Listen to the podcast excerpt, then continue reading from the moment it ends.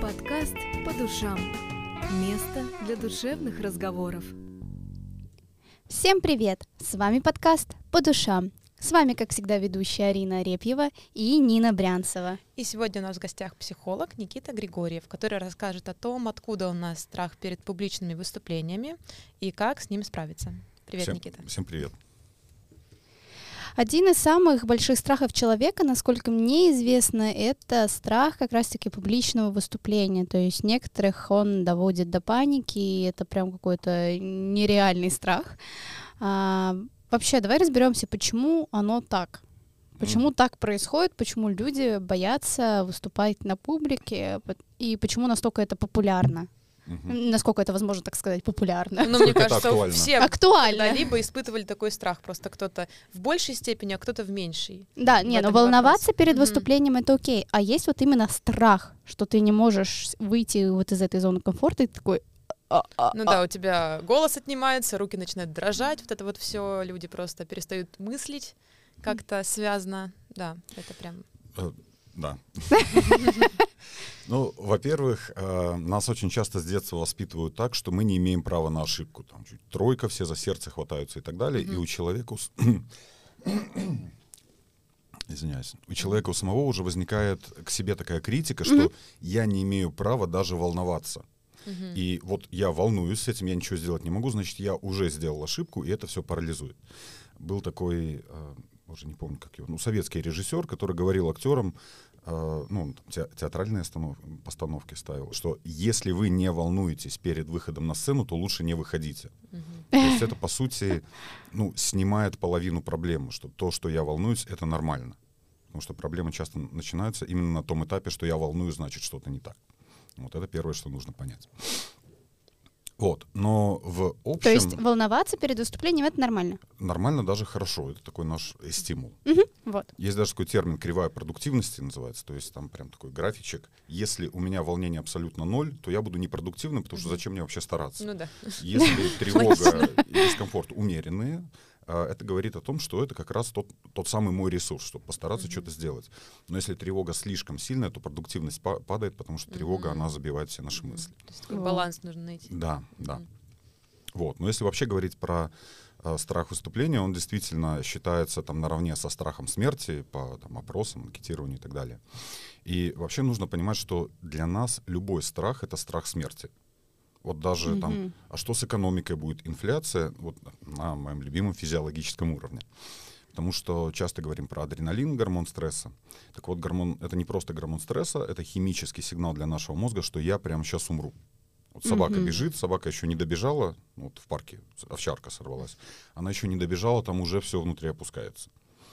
А, или, ну, я не знаю, говорят на работе, там сокращения будут и так далее, все уже ходят внутри, что ж мы будем делать, хотя еще ничего там не сказали. Mm-hmm. Да, еще решения нет, а уже да, все. Потому что на это все наш мозг автоматически выделяет адреналин, и адреналин — это химический сигнал, 250 миллионов лет эволюции, он нам говорил, что что-то не так, и мы умрем.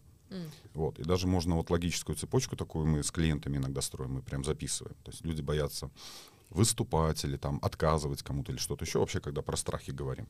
И они прям пишут, если я вот сделаю ошибку, то, и они додумывают, говорят, ну, то обо мне будут плохо думать. И раз обо мне будут плохо думать, то, ну, со мной будут там плохо общаться. Если со мной будут, как общаются с теми, о ком плохо думают, ну, там, агрессивно, негативно и так далее.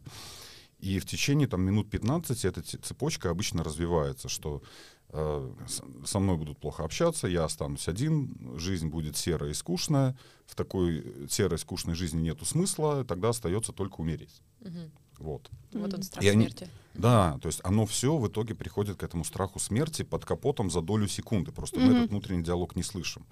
И когда люди смотрят на эту логическую цепочку, я им прям говорю, ну вот прочитайте, одно из другого логично выходит, они такие, вроде логично. А если мы возьмем самую первую строчку, если я плохо выступлю и самую последнюю, значит, мне нужно умереть, вот тут логика ломается. Прям, да, у них такая же реакция. Они вместо страха смеяться начинают. Да как так-то? То есть мы помогаем вот сами себе таким образом обнаружить вот эти когнитивные ловушки. Mm-hmm. Что мозг уже за долю секунды придумал, что там все будет плохо. Если мы немножечко медленнее распаковываем этот страх, смотрим эту логику, мы понимаем, что ну, там нету этих страхов. И это тоже помогает так э, справиться. Вот, то есть изначально это все является страхом смерти на биологическом уровне, и нам нужно немножечко времени, чтобы помочь себе и своему мозгу увидеть, что даже если что-то случится, мы не умрем. Мгм. Так, хорошо. Но все-таки откуда этот страх может взяться? Ну, то есть я понимаю, что, скорее всего, ответ один и тот же, это все детство, да? То есть нам вот это не вот... только, и не детство в только. числе, да. вот. Давай разберем, что не только. Что еще помимо детства может повлиять на вот этот страх публичности? Мгм. Ну, во-первых, наша, опять же, вот самое базовое — это наша биология. Потому что, опять же, ну, какой тут страх смерти? Тут права человека уби- убивать никого нельзя. Мгм. Мгм. Но нужно понимать, что люди для нас самый большой источник опасности на биологическом уровне. Вот В, прошлый, э, в прошлом подкасте, по-моему, мы говорили про внутривидовую агрессию. Она Да. в нас всех встроена. Вот. И нужно понимать, что несмотря на то, что мы живем в 21 веке, у нас мозг человека из каменного века. И там, если я обидел своих соплеменников, и на, на меня обидится вождь, и меня выгонят из стаи, то в течение суток я умру. Мгм. Мгм. И у нас под капотом в мозгу сидит вот эта идея, не дай бог никого не обидеть. Хоть сейчас никого активно обижать нельзя, вот эта пассивная агрессия, что ой, все понятно, там э, как-то э, там посмеялся кто-то, когда человек выступает, уже запускает эту автоматическую реакцию, что-то не так, и ну, человеку сложно это контролировать. То есть, во-первых, это встроено в нас, мы боимся других людей, боимся осуждения других людей. Потом есть прям такой э, синдром блашинга, то есть когда человек, как только он начинает волноваться, у него сильно краснеет лицо, и он начинает, зная про себя, у него уже запускаете- запускаются эти мысли, я ж покраснею, я стою там глупо выгляжу, и все это просто парализует человека.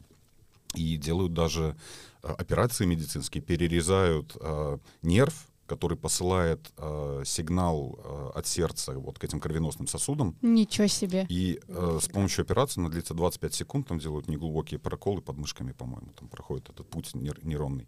И человек навсегда избавляется от вот этого патологического покраснения. Опачки. Я просто знаю, что это такое краснеть. Э, У меня в школе была такая тема, я не боялась каких-то публичных выступлений, но я все-таки переживала. И когда я начинала выступать, я прям становилась красной. И моя подруга, ну, то есть она все время ржала над этим, но она по-доброму, то есть не ха-ха-ха, ты типа чмо такая краснеешь, она такая, блин, сейчас Арка выйдет опять покраснеет, будет помидоркой нашей. А, ну, то есть э, я не знала, что так можно. Ну вот да, ну, как бы деньги зарабатывают на всем. Да. Наверное, дорого стоит такая операция. Ну не думаю, она на самом деле технически простая, А, я так уже не не изучал. Я думаю, пластика груди стоит дороже. Ну, возможно, всяко. возможно. Плюс, да, то есть для этого используют как бы психотерапию, но она не убирает покраснение, она помогает человеку смириться с тем, что это нормально, меня никто не убьет, то есть снижает именно вот эти эмоциональные последствия. Вот. эм, помимо этого, да, вот ты говорил про детство. И мы говорили в самом начале, что эм, для некоторых это как бы не представляет большой какой-то большого дискомфорта Мгм. выступления, а для кто-то для кого-то это прям страшная мука. Мы результат нашего прошлого, помимо всей этой биологии, про которую я говорю, там адреналин, там эти процессы в организме, покраснение кожи и так далее. Ам, наши родители, которые нас воспитывают, они закладывают нам идеи о себе на всю оставшуюся жизнь. Потому что, опять же, мы говорили, у ребенка мозг пластичный, то, что происходит в детстве, оно там остается в виде нейронных связей навсегда. Мгм. Вот. И, к сожалению, очень часто до сих пор можно видеть родителей, которые на любую а, огрешность ребенка начинают его критиковать. Да что ты как там идиот. Вот они сначала говорят, смотри, все ребята учатся, и ты хорошо учись, а потом все с крыши прыгнут, так и ты прыгнешь, так как мне делать? Ну, короче, например. Причем я не говорю, что родители плохие. Это та самая внутривидовая агрессия, которую нужно хоть на кого-то выпускать. Они себе объясняют, что я же за ребенка волнуюсь, они Мгм. действительно волнуются. Я не говорю, что они там плохие специально. Они просто не умеют по-другому. С ними, скорее всего, также общались, да. Вот. Но в итоге э, такой ребенок, становля... станов- становлясь, становясь, когда он становится вз- взрослым, а, он уже живет с этой идеей, что лишь бы не сделать ошибку. Он начинает оценивать каждый свой шаг, потому что в голове уже поселился голос там, мамы или папы, что ты что делаешь, что ты как дебил стоишь и так далее. Это уже неосознанные Мгм. процессы. И тогда не только вот прям публичное выступление, но любое взаимодействие с людьми для человека будет э, ну, таким затруднительным. У него Мгм. постоянно там разговор, не знаю, прием на работу, интервью, там э, встреча какая-то в офисе. Любое общение с незнакомыми людьми будет для него э, очень дискомфортным, потому что запускается этот внутренний диалог. Мгм. Что ты как охламон там и так далее. Мгм. Вот. С другой стороны, есть родители, которые во всем ребенка поддерживают, они с ним могут подурачиться, они показывают, что он имеет право на ошибку, Мгм. что он не смеется как идиот, а это нормально, что мы все как идиоты, и это смешно, это неосудимо, не, не, ну, мы, не- мы этого не осуждаем.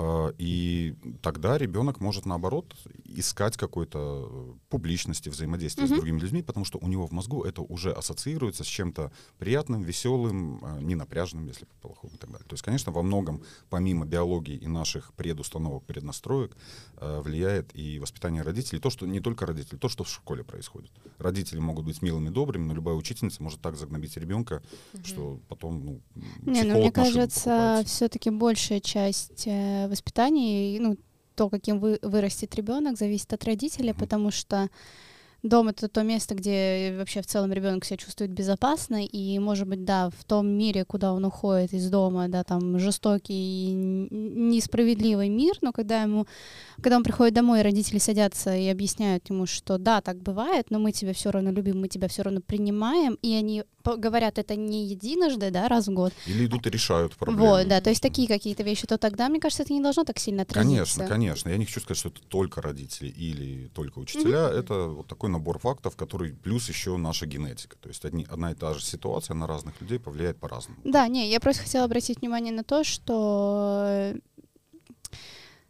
дать э, какую-то такую поддержку родителям, что мы не должны э, переносить ответственность э, за своего ребенка на какого-то учителя. Да, учитель отвечает в тот момент, когда он находится в школе, но то, каким вырастет человек, все-таки зависит от, того, как как вы будете оберегать своего ребенка, в, в хорошем смысле оберегать. Совершенно верно. В конечном итоге это все-таки родители. Да. Потому что некоторые там пытаются помочь. Вот буквально недавно очень подробно отвечал на вопрос. Э, ну там детские какие-то разборки. Мальчик пристает к девочке, там обнимает ее и чуть ли не душит. Очень нравится она ему. И мама прям, я хочу ей помочь, не хочу там, ей навредить, и я ей говорю, не обращай внимания. Ну, так она растит клиента для психолога и абьюзера. Обращай внимания, что с ней так внимание, все можно. хорошо, да. То есть задача родителей показать, что если происходит какой-то дискомфорт, физический или эмоциональный, родители, те, кто учат детей отстаивать свои границы. Прихо- Приходите и говорить, так нельзя, будут последствия. И тогда ребенок вырастает, что даже если на меня кто-то обидится, со мной так нельзя, я могу за себя постоять. Если этого внутреннего голоса, механизма внутри не сформировалось в первые годы жизни, то будет тяжело общаться с другими людьми, а публичные выступления, где на меня там целая группа смотрит, это, это вообще. Мгм. Слушай, ну я вот, да, хочу, наверное, вернуться к публичным выступлениям, потому что мы немножко ушли на воспитание детей, на школу, на Ну, все-таки учителей. это оттуда идет. ну, Ну, Ну, это все да, оттуда, да. потому что хочешь не хочешь, школа, она обязывает тебя к публичному В принципе, выступлению. Да, наша первая, детский сад и школа это наша первая публичность. Вот там мы у доски выступаем и так далее. И вот там же учителя могут как поддержать человека, так и сделать так, что он будет панически бояться уже со школы. Такое спасибо, я, пожалуйста, Ну, в конторке хоть- где-нибудь закроюсь. Учитель смотрит журнал, и все сидят, потеют. Лишь бы не да, меня. да. Ну, вот он страх публичного выступления. Ну, Вот, у меня был вопрос, как раз-таки связанный с детским садом и со школой. Ведь есть дети, которые идут в детский сад, а есть те, которые сразу в школу идут. мгм. А, есть ли разница для ребенка вот, вот эти два года провести дома с родителями или в детском саду, сформируется ли у них с большей или меньшей вероятностью вот этот страх публичности, если они, например, в более позднем возрасте пойдут в этот вот коллектив и столкнутся с какими-то вот Мгм. челленджами? А, ну, тоже тут Мгм. невозможно прям говорить, э, давать вот такую инструкцию, Мгм, надо отдавать или не отдавать. Во-первых, потому что, опять же, дети все разные. Кто-то Мгм. более чувствительный, кто-то более агрессивный, кому-то нужны люди, кому-то не нужны. Это проявляется у нас уже с самого детства, это та самая биологическая предрасположенность. То есть я бы сказал, что тут нужно быть просто э, чутким к ребенку, а не полагаться на какие-то инструкции. Мгм. Потому что, э, ну, повторюсь, то есть наш мозг, всегда об этом говорю, это слишком сложная система, невозможно его разложить и сказать, вот у нас нейроны вот настолько активны, значит, нужно в этот момент делать так-то и так-то. Ну, не- невозможно. Мгм. Нужно смотреть на поведение ребенка. Э, И это действительно очень сложная задача родительства, не перегнуть палку ни в одну, ни в другую Мгм. сторону. Потому что бывают родители слишком мягкие, они воспитывают социальных инвалидов, потому что ребенок не научился справляться с какими-то Мгм. вызовами. А, За него бегают родители, все решают, а потом родителей нету, и он прям что делать? Теряется, теряется Ну, нужно искать человека, который меня также будет спасать. Я буду ходить ныть, и за мной будут бегать. Почему бы нет, у кого-то так работает. Мгм. Тогда проблем нету. Я в следующей жизни тоже так сделаю, в этой не получилось. А что удобно на самом деле? Удобно, да. Если найдешь такого человека, то да. Ну, таких много. Вот этот социальный инстинкт, про который я всегда говорю. Вот. Либо, с другой стороны, слишком много там критики, там пушат этого человека, у него из-за... У него остается только агрессия, у него постоянный дискомфорт, у него постоянный страх и перед родителями, и перед средой и так далее. И как то, ну, это все вызывает агрессию. Как только появляется кто-то слабый, на кого эту агрессию можно выпустить, часто такой ребенок становится агрессивным, ну или наоборот, вот тоже беспомощным, он все ждет какую-то инструкцию, критику, вы мне скажите, как правильно, шаг лево, шаг вправо, расстрел. Вот, поэтому это действительно сложная задача. Ну, благо у родителей есть очень много лет жизни, чтобы э, ну, потому что ребенок меняется, окружающая среда меняется, чтобы даже если где-то мы не досмотрели, это исправить. Для этого нужно общаться с ребенком, есть куча литературы там по психологии специалистов. И ну, все невозможно, важно понимать, что невозможно сделать из ребенка супермена. Не Да, получится конечно. сделать из него и атлета, и публичного спикера, и математика, и музыканта. У любого ребенка будут какие-то плюсы и минусы, и к этому тоже важно относиться с уважением.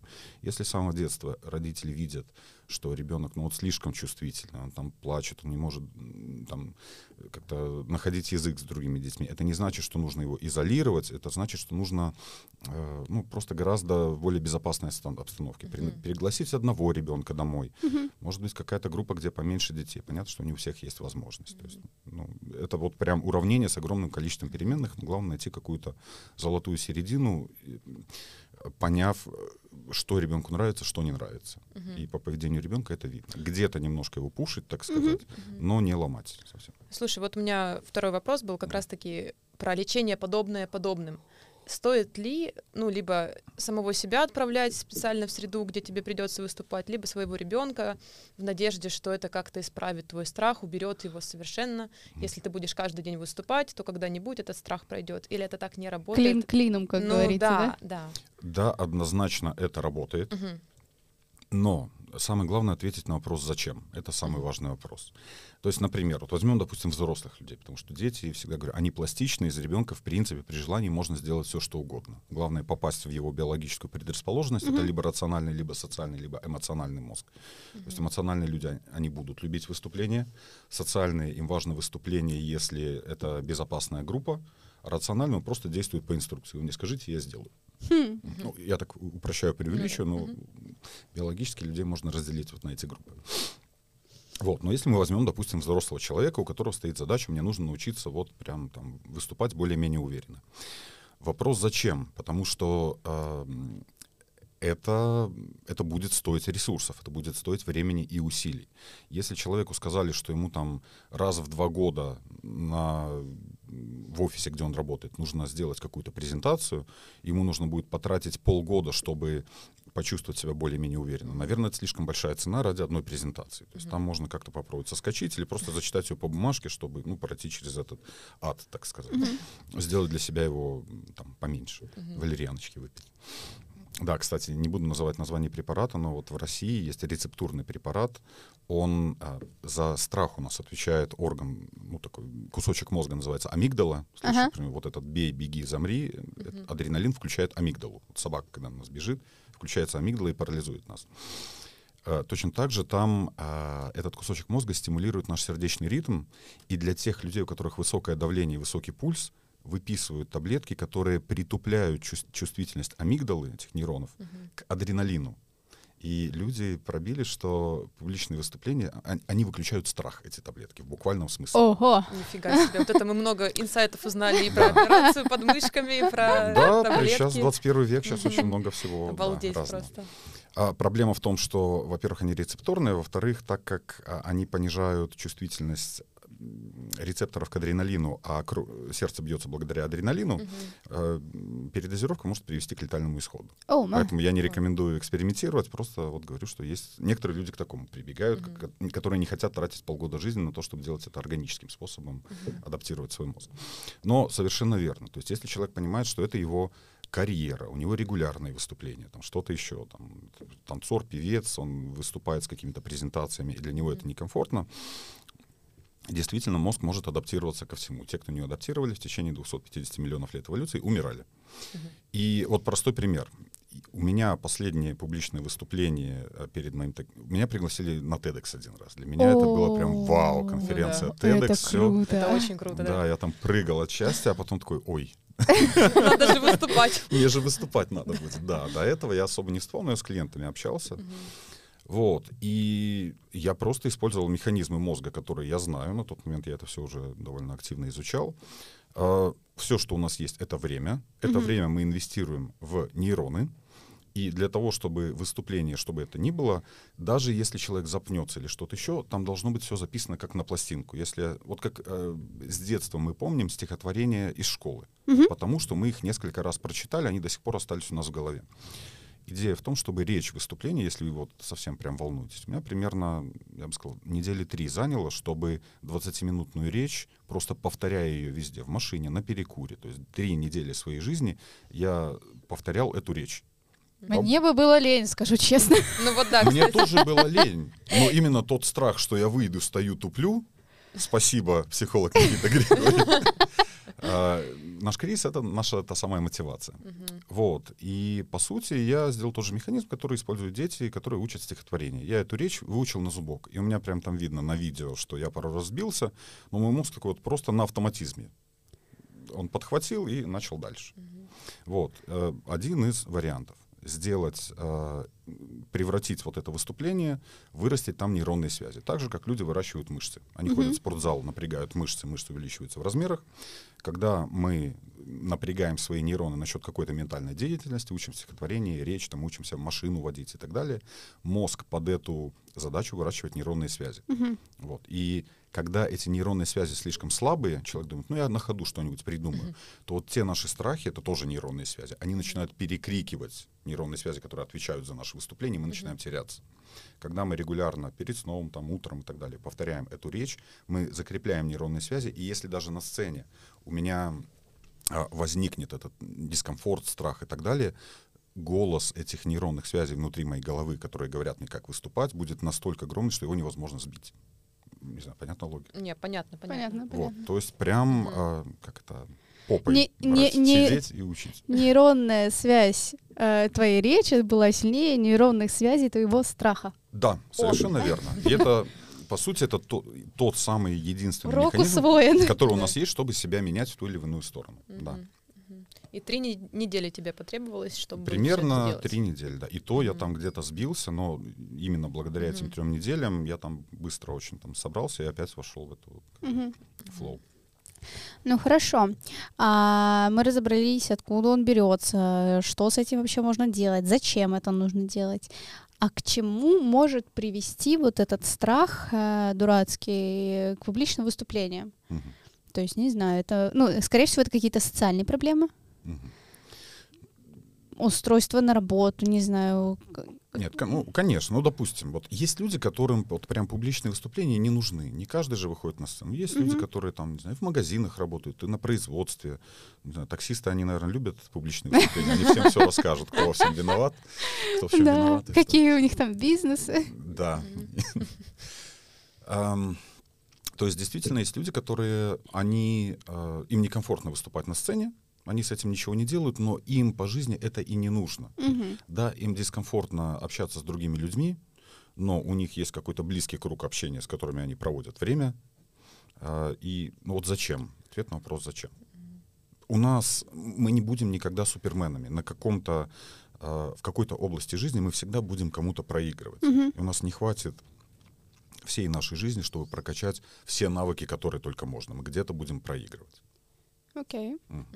И, э, ну, действительно, если человек активен, он, не знаю, работы меняет, ему нужно общаться с людьми, то сам факт, что человек регулярно общается с людьми, прокачивает эти навыки общения, будь то там публичные, не публичные. Если у человек, в принципе, такой интроверт, работает из дома, или он общается с людьми там вот чисто, ну, не знаю, как продавец, здравствуйте, там цена и так далее, ну, то, так может и не надо, потому что, повторюсь, это огромные усилия. Огромные усилия, вот это все ищут мотивацию, она не будет работать, если нет ответа на вопрос «зачем?». Если мне предлагают работу, которая оплачивается в два раза больше, интересно, я этого хочу, я боюсь ее потерять, вот этот ответ на вопрос «зачем?» может заставить человека идти что-то с этим делать. Мгм. Причем, да, вот мы говорили о том, что с этим можно делать, я там про таблетки говорил, про операции и так далее. Самый такой органичный, естественный способ — это брать свой мозг измором, просто повторять, повторять, повторять, чтобы это превратилось в пластинку. Мгм. Есть э, приложение в, прям для андроида, я уверен, что для iPad тоже есть. Есть такие пластиковые очки виртуальной реальности. В них вставляется телефон, они очень дешевые, пару долларов, пару евро стоят. И телефон, экран делится на два экрана, и человек как будто прям 3D виртуальная реальность. И даже там головой можно крутить, акселерометр, то есть очень такая доступная технология. Есть приложение специально для такого дешевого VR. э, Вы скачиваете, перед вами виртуальные стулья, там сидят люди, сзади доска, и вы что-то рассказываете. На самом деле этот механизм используют для людей с посттравматическим синдромом О. после, эм, ну вот воин, Мгм. военные, которые приезжают, они уже на гражданке, у них все равно они боятся громких там звуков, чего-то еще. Э, Они регулярно приходят в кабинет, им надевают шлем виртуальной реальности, и они в какой-нибудь там пустыне Афганистана. У них повышается кровяное давление и так далее, и так далее. Но когда они понимают, что я в безопасности, инвестируют в это время, их мозг потихонечку начинает успокаиваться. Точно так же, когда человек какое-то время проводит в этой виртуальной реальности, как бы обманывает мозг, там вроде бы все виртуальное, там действительно люди и тренируют, репетируют эту речь вот в этих очках, это тоже поможет мо- мозгу немножко снизить эту тревожность. Это становится чем-то безопасным. Слушай, а есть разница между выступлениями вот вживую и, например, по скайпу онлайн? Мозг Вот, как, кстати, да, мозг вопрос. как это вообще воспринимает? То есть, если ты перед экраном сидишь, то в целом-то людей-то рядом нету. Мгм. И ты в Или- своей или как бы зоне работает, комфорта, да. да, допустим, с дома, если ты выступаешь, Да. то это совсем другая история. Или ты видишь циферку, там тебя 100 человек слушает, и сразу мозг такой, ой-ой-ой. А, Это легче, Мгм. однозначно. То есть все-таки наш мозг, да, он реагирует на реальность. Он понимает, что эти люди, они где-то там, но они вот не, не здесь, не рядом. Мгм. Причем тоже были исследования, человека ложат в ФМРТ и дают ему поговорить с реальным собеседником, который рядом, или собеседником, который а, там, по скайпу или где-то Мгм. еще, и мозг гораздо менее активен. То есть он понимает, что это как будто, ну, как лекция на Ютубе, я там постольку поскольку участвую. Хотя это тоже, ну, стресс, нужно подготовиться и так далее, и так далее. А, причем, если мы говорим вот современный, да, там и ковид, пандемия и так далее, они заставили нас всех работать удаленно. Сейчас тоже много исследований, которые новый термин появился благодаря этим исследованиям. А, Zoom fatigue, то есть усталость от зума. Мгм.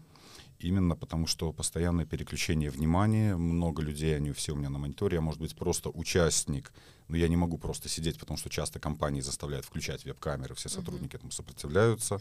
В Германии, по-моему, даже уволили одного сотрудника, он не хотел включать веб-камеру, он отсудил свое право на приватность, ему там выплатили компенсации, то есть это целая Санта-Барбара. Нам некомфортно с другими людьми, мы предпочитаем отдыхать.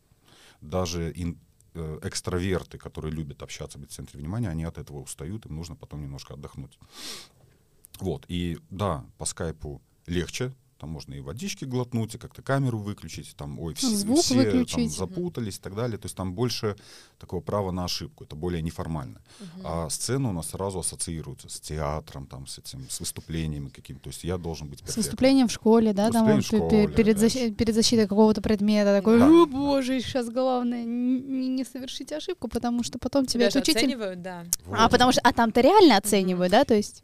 Именно оттуда у нас так много этих ассоциаций, что находясь в центре внимания, меня оценивают. Вот. Плюс э, тоже, вот я говорил про VR, там, таблетки, не буду говорить, как называются. А, кому надо загуглить, но, повторюсь, они рецепторные, их не ну, нужно какими-то путями получать. А, самое простое, помимо того, что выучить речь, порепетировать ее, записать ее на пластинку своего мозга, а, собрать друзей и выступить перед ними. То есть устроить прогон вот этого публичного выступления, но в безопасном коллективе. Это тоже тяжело. Сейчас просто собраться куда-то тяжело, все сидят в телефонах, сейчас социальный инстинкт это А тяжело. мне казалось, наоборот, перед чужими выступить э, легче, чем перед своими. Ну, кому как. Кому наверное. как, это зависит от, от уровня общения. То есть кто-то думает, наоборот, я глупо буду выглядеть, а кто-то ну, настолько близко общается с друзьями, которые говорят, мы тебе прям поможем.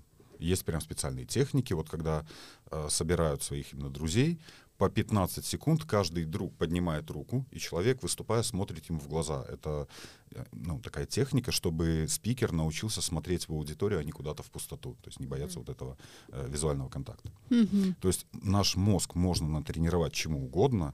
Самое главное относиться к этому как по ходу в спортзал. Мы инвестируем время в свои нейронные связи. И мозг может вырастить нейронные связи под абсолютно любую задачу. Если что-то вызывает дискомфорт, это значит, что там недостаточно нейронных связей, вот на таком простом языке. Не, ну тогда получается Супермен это можно вырастить? Можно, главное, чтобы времени хватило. Да. Потому что нам еще это... Жить-то надо. Жить надо, и сериалы все посмотреть, мемасики. Но технически, да. То есть чем суровее, так сказать, ситуация, тем больше количе... большему количеству вещей человеку нужно адаптироваться, и тем более мозг такой собранный. Сейчас у нас у всех мозг очень расслабленный, мы привыкли получать результаты с помощью нажатия одной кнопки. Когда нам говорят, надо выступить и выучить речь, мы такие уже, о, там Это начинается. сложно. Да. Здесь уже скорее, мне кажется, еще лень подключается такая hello, Uh-huh. Я тут. Ну, это она и есть. Это попытка мозга сделать все, чтобы не, не, не тратить энергию, особенно если он не привык тратить энергию. Uh-huh. Ну да, мне кажется, особенно в наше время мы как-то избалованы тем, что мы научились находить какие-то легкие пути. Совершенно верно, постоянно не... об этом говорим. И мне кажется, это клево на самом деле. С одной стороны. Ну, с одной стороны, с да, одной конечно. Стороны. Тебе приятно жить. Как бы. Да, то есть ты успеваешь вот насладиться. Да. По, да. по рассказам, да, там других поколений ты слушаешь и думаешь, блин, а я, я, я вообще все правильно делаю, да? Типа, мне так должно легко житься.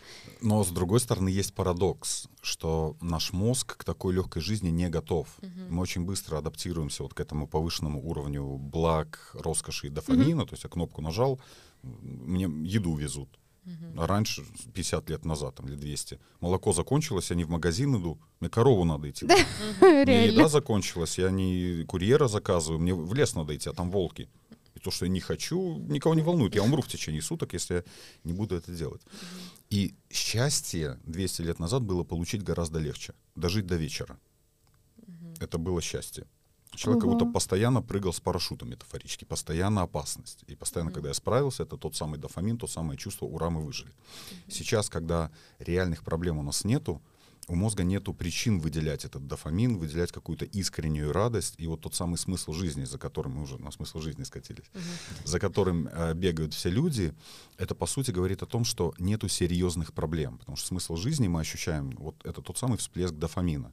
И когда мы окружили себя дешевыми источниками дофамина, uh-huh. э, мозг уже привык но на что-то более грандиозное он не готов, потому что эти механизмы атрофировались решать сложные задачи. Я это называю, как я называю этот эффект э, дофаминовые космонавты. Космонавты летают в космос и через две недели не могут ходить по, по возвращению на Землю. Что за магия? Интересно. Потому что не ходят. Потому что две недели не было гравитации, они не использовали мышцы. За две недели механизмы организма, которые не использовались, атрофировались. Угу. И в 21 веке, где у нас не используются механизмы решения сложных задач, все решается с помощью одной кнопки.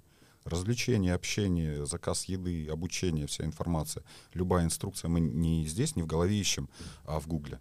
И эти механизмы начинают атрофироваться. И когда жизнь доходит до какого-то кризиса, будь то публичное выступление или изменения какие-то там, непонятно, что будет из этих кризисов наших, у мозга просто уже не работают эти ресурсы, которые помогут нам сесть и сказать, так, если будет так-то, вот такой вот план. Мы просто ходим, паникуем, а психологи зарабатывают деньги. Хорошая профессия. Во-во, я только хотела сказать, надо идти учиться на психолога. Да, что мы тут делаем вообще? А мы вот э, э, рассказываем э, нашим читателям, что нам рассказывают психологи. Ну, вот.